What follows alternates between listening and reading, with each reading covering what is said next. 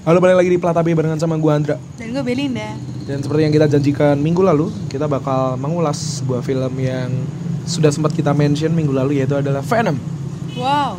Oh iya ya, minggu lalu mention Venom ya. Iya Jadi menurut kita Film Venom ini adalah film yang Menurut lu lah menurut lu Kayak kita beda dalam hal ini Menurut gue bagus sih, tapi nggak sebagus Deadpool. Susah ya. Kenapa? Maksudnya karena maksud gue sebagai film Hollywood dia film yang bagus. Ya dengan CGI dan sebagainya jangan cerita sebenarnya lumayan juga nggak jelek-jelek banget. Tapi sebagai film Marvel gitu yang dia punya banyak sekali teman kayaknya film dia biasa aja sih. Hmm. kayak nonton Ant-Man gitu. Ah, tipikal-tipikal superhero yang sepi. Iya yang sepi yang biasa. Ya nggak tahu sih kenapa. Maksudnya kayak humornya yang ditampilkan itu lucu. Tapi nggak selucu Deadpool. Hmm. Terus ceritanya juga masih berkutat tentang originnya Tentang Venom gitu kan Maksudnya Iya, iya. Bagaimana Venom bisa terbentuk Ya bagus sih tapi ya biasa gitu Tapi gue suka Tom Hardy karena dia ganteng dan seksi Itu karena lu bias gak sih Maksudnya bias sama pemerannya Ya, kalau Ant-Man kan gue gak terlalu suka tuh ya sama pemerannya, jadi gue juga lupa aja gitu.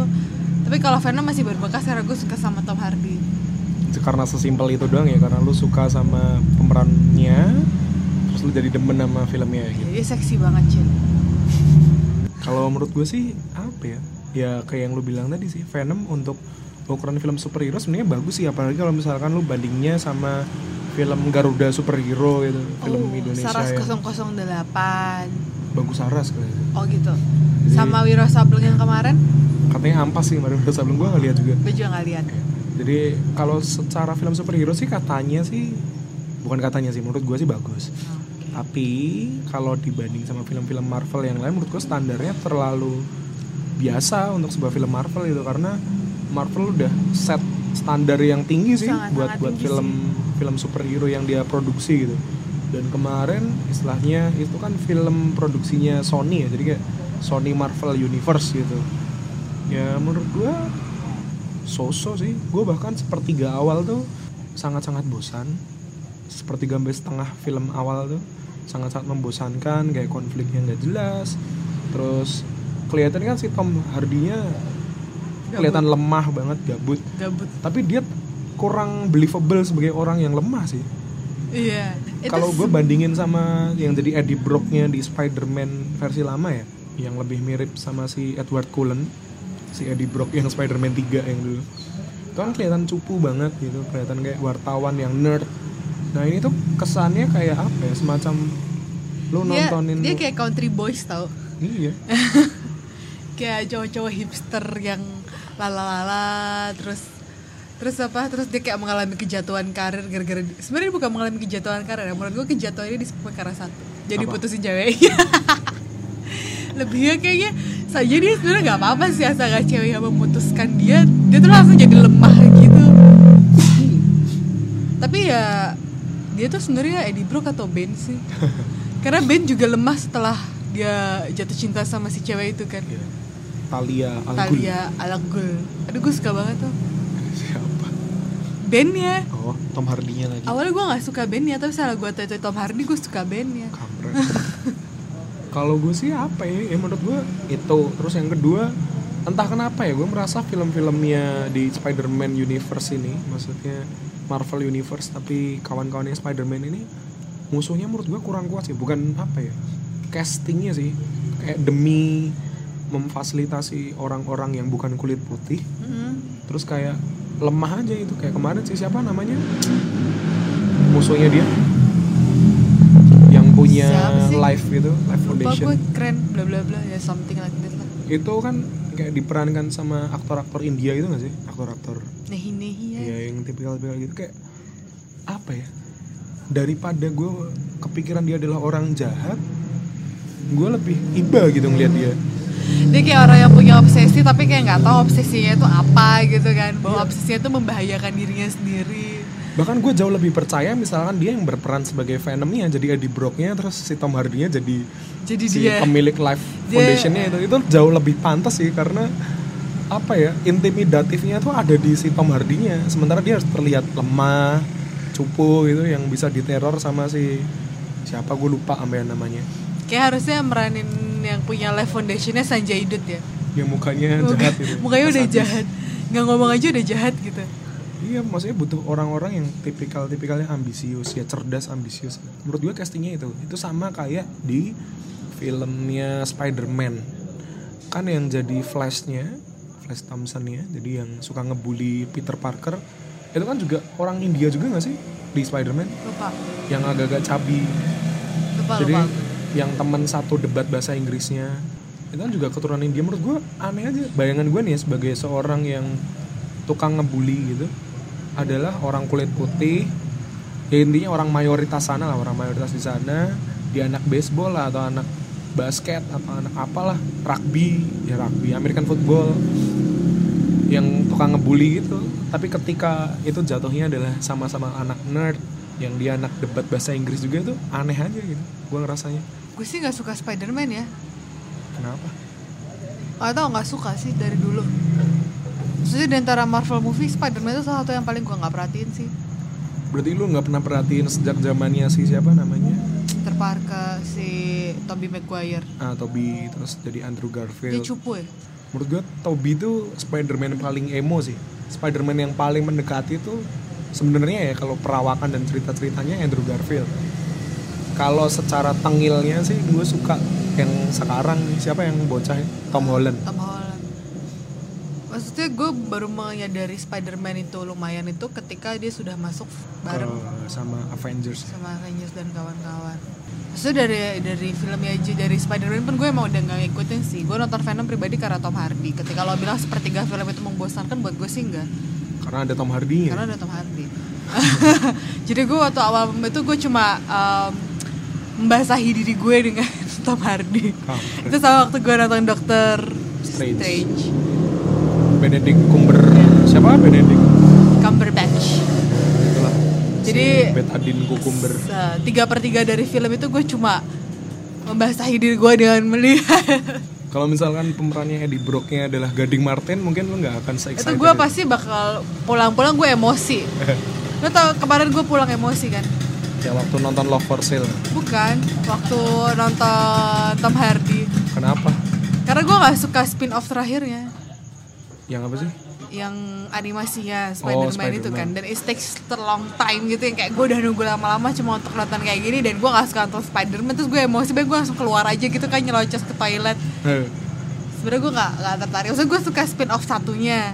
Ya walaupun yang gak, gak after credit scene walaupun Iya. lu nggak ngerti juga. Walaupun gue gak ngerti juga ya. Bisa gue tanya itu maksudnya apa sih? Lu nggak tahu Carnage itu siapa. Itu maksudnya apa? Terus kenapa? Terus terus ketika biasa gue nonton film Marvel movie gue akan buka Wikipedia untuk cari tahu siapa sih spin off itu. Terus dalam komik tuh dia perannya apa gitu. kemarin lu nggak? Enggak tuh. Lupa gue. Selang empat hari selang empat hari gue baru kayak oh iya baru gue mau nyari itu tapi apalah ya udah nggak usah. Gue malah cari di Instagram hashtag Tom Hardy. A little bit spoiler jadi after credit scene-nya yang pertama itu adalah Woody Harrelson yang main di Now You See Me. Itu Iya. sebagai Carnage. Jadi sama-sama simbiot juga cuman dia lebih kuat lebih powerful dia bisa jadi kayak si Mystic gitu. Dia bisa berubah jadi banyak bentuk transfigurasi gitu. Terus si Venomnya apa yang cupu kan? Ya Venomnya tetap yang paling cupu itu. Terus yang spin off yang eh spin off after credit scene yang terakhir itu ya ceritanya Spider-Man versi Earth berapa ya jadi menurut Belinda film Venom ini menghibur karena tokoh utamanya. Karena sebagai wanita gue berasa di fit sama Tom Hardy. Gue sendiri tidak merasa terhibur ya karena pemeran wanitanya bukan selera gue juga. Pemeran Si wanitanya standarnya Marvel gak sih? Iya, dia tuh kayak gabungannya Pepper Potts sama sama wanita-wanita Marvel yang lain. kecuali si Scarlet sih. Ah. ya maksudnya gue gak tahu sih maksudnya most of the girls in the Marvel story terutama yang mereka pasangannya si superhero ya itu Ah. pasti tipikalnya kayak gitu deh kayak cewek-cewek yang apa ya annoying Ngerepotin gitu. ngerepotin ya cewek Superman juga ngerepotin sih tapi dulu di Smallville cewek Superman gak ngerepotin Si Lana Lang. Bukan. Iya kan, Lana Lang. pacar aslinya siapa sih pacar pertamanya Lana Lang habis itu terus dia pindah jadi si siapa gue lupa. Louis Lane. Enggak, kalau di Smallville kan ya si ada si Louis Chloe si Lois ya. Lane, Lana di Lang. Louis Lane-nya kan nggak terlalu ini toh. Mereka Iya, memang iya. fokusnya di pacar pertamanya si Lana Lang ya Lana Lang-nya emang nyebelin tapi nyebelinnya tuh kayak emang bici banget gitu. Ah, ah. tapi kalau yang di film-film biasanya tuh film-film biasa film-film bioskopnya cewek-ceweknya tuh kayak apa sih berasa hidupnya tuh hidup si cowok itu bergantung sama dia gitu. Terus dia kayak dia berusaha kayak jangan jangan Clingy jangan banget gitu, gitu ya. terus si superhero nya kayak di antara over the world uh, he will he will try to save that girl gitu kan. Kayak aku aku tidak ingin kamu tergabung dalam permasalahan ini. Tapi si cewek itu kayak khawatir tapi di sisi lain juga dia pengen menyelamatkan diri sendiri. Terus muka mukanya pasti muka muka cewek-cewek yang kayak kalau kamu cubit hidungnya tuh hidungnya merah. Hah?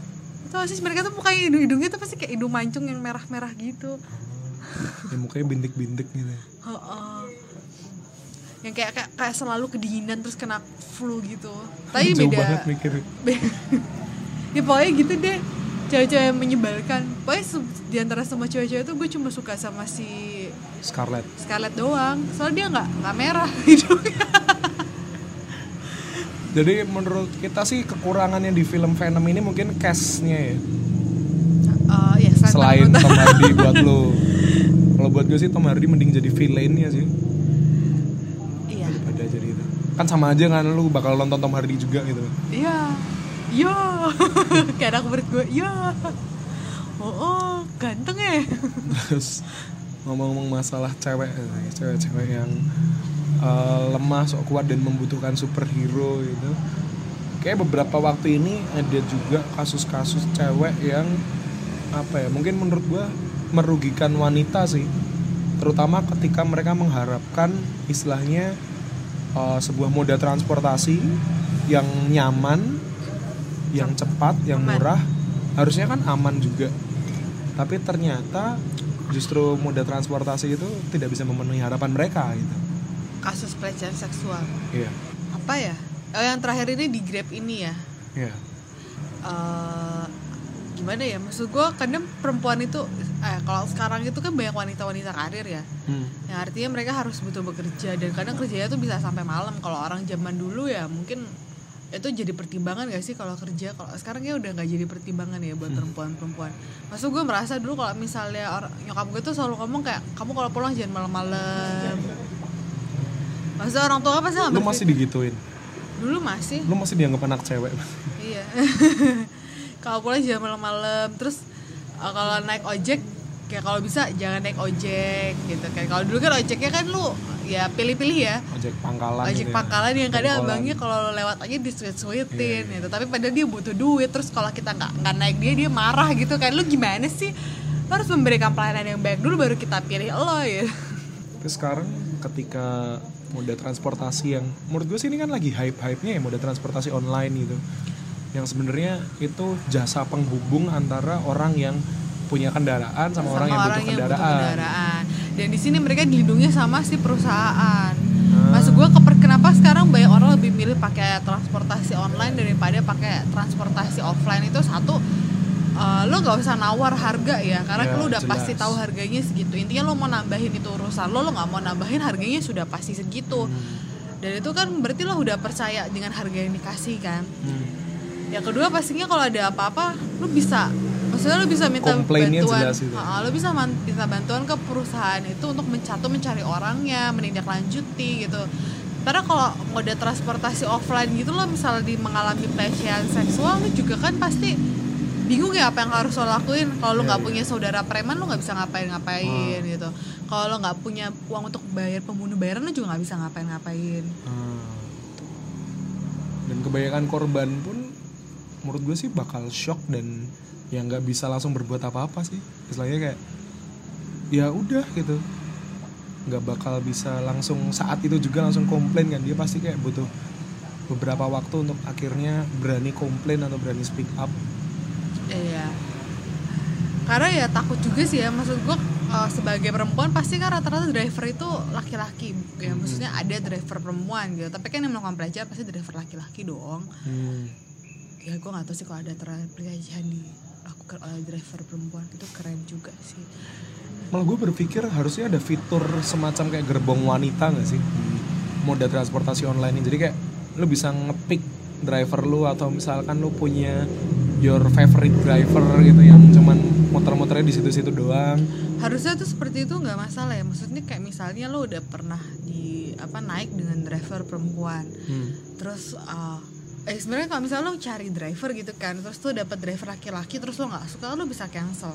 Iya iya iya. tapi kan permasalahan ini adalah uh, netizen Hmm. ya kal- kalian dan kami kami semua yang memakai moda transportasi online ini dipermasalahkan dengan bahwa si driver itu akan menjadi rugi kalau di cancel Ah, dan itu membuat kita sebagai penumpang kadang juga harus memikirkan itu itu loh ya jadi kayak kita merasa bersalah terhadap reputasi orang Oh, lain aduh gitu. kasihan nih jangan-jangan oh, ini bapaknya membutuhkan kalau kita cancel nanti dia nggak bisa melanjutkan pekerjaannya kita tuh kadang mikir seperti itu kadang kita mikir sejauh itu padahal bisa jadi pendapatan mereka bulanan bisa buat ngebeli hidup kita berdua iya terus di menurut gua eh, dari online sendiri pun mereka sering ada yang, yang curhatan ojek online lah curhatan Ah. taksi online yang kayak me- menjurus-jurus bahwa eh, penumpang itu jangan pilih-pilih driver Hmm. karena katanya kalau cancel itu dapat membuat uh, si driver itu kehilangan pekerjaannya atau sebenarnya intinya tujuannya itu berita itu tersebar juga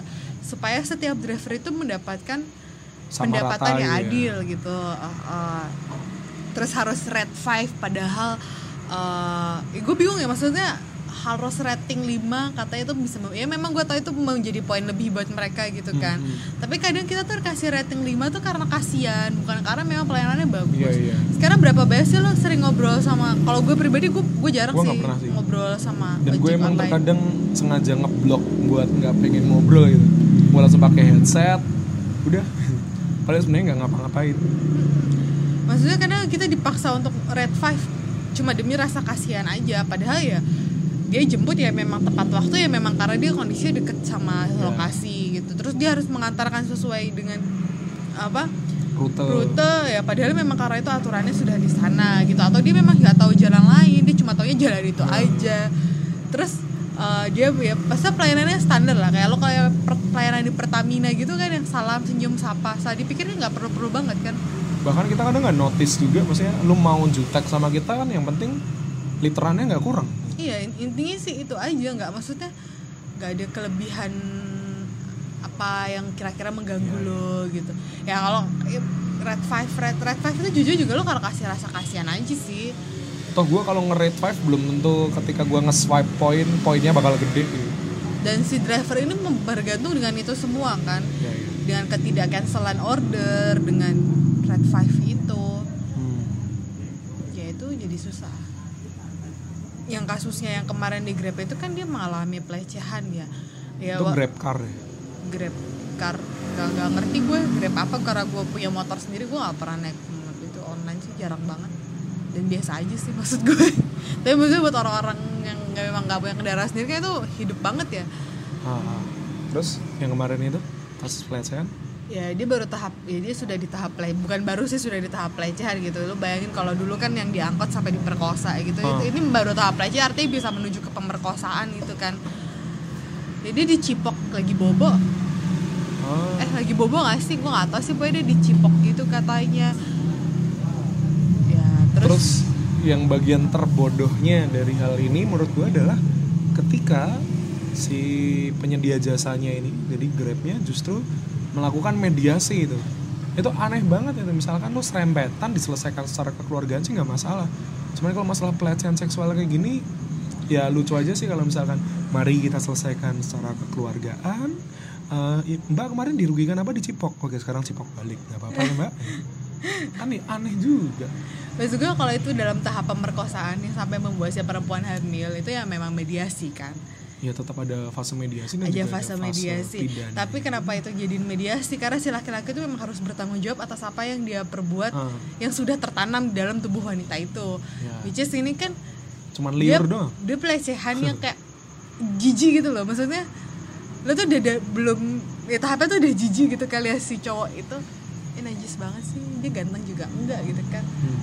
Ya, kalau gue kayak ganteng gitu pilih-pilih kan kayak yang pernah kita bahas tempo dulu yang masalah pelecehan itu pelecehan itu tergantung siapa subjeknya kan siapa pelakunya gitu Iya, aneh aja sih maksudnya. Ya itu fatal sih buat Grab ya.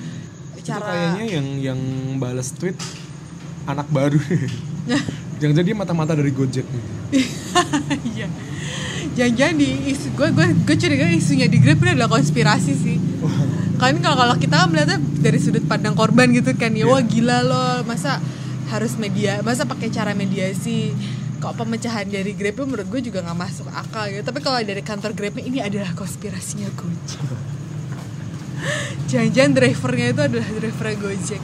Ini ini Grab apa Ratna Sarumpait apa kita pasti selalu bahasnya ke sana sana mulu ya gue apa kabar sih si ibu itu? Eh lu pernah lihat foto dia pas muda gak sih? Pernah? Dia gue nggak ada yang berubah ya. Dia enggak tuh kok ada yang berubah. Apa? Ada yang versi cakepannya kok dia. Tapi kayak maksud gue dia tuh dari dulu sampai sekarang mukanya kayak ya gitu. fitur mukanya ya dia kayak gitu. kayak awet tua gitu kan. Iya, iya. kayak dari kecil mukanya udah tua deh. Gue curiga waktu lahir orang tuanya dia mengalami apa? The case of Benjamin itu loh yang Benjamin Button. Benjamin Button ini mau ngomongin Ratna Sarumpait Yaudah kayaknya segitu dulu podcast kita obrolan kita hari ini. Hah. sampai jumpa di podcast kita berikutnya. Yeay. kayak minggu depan kita nggak bakal review film karena kita belum nonton film apa bye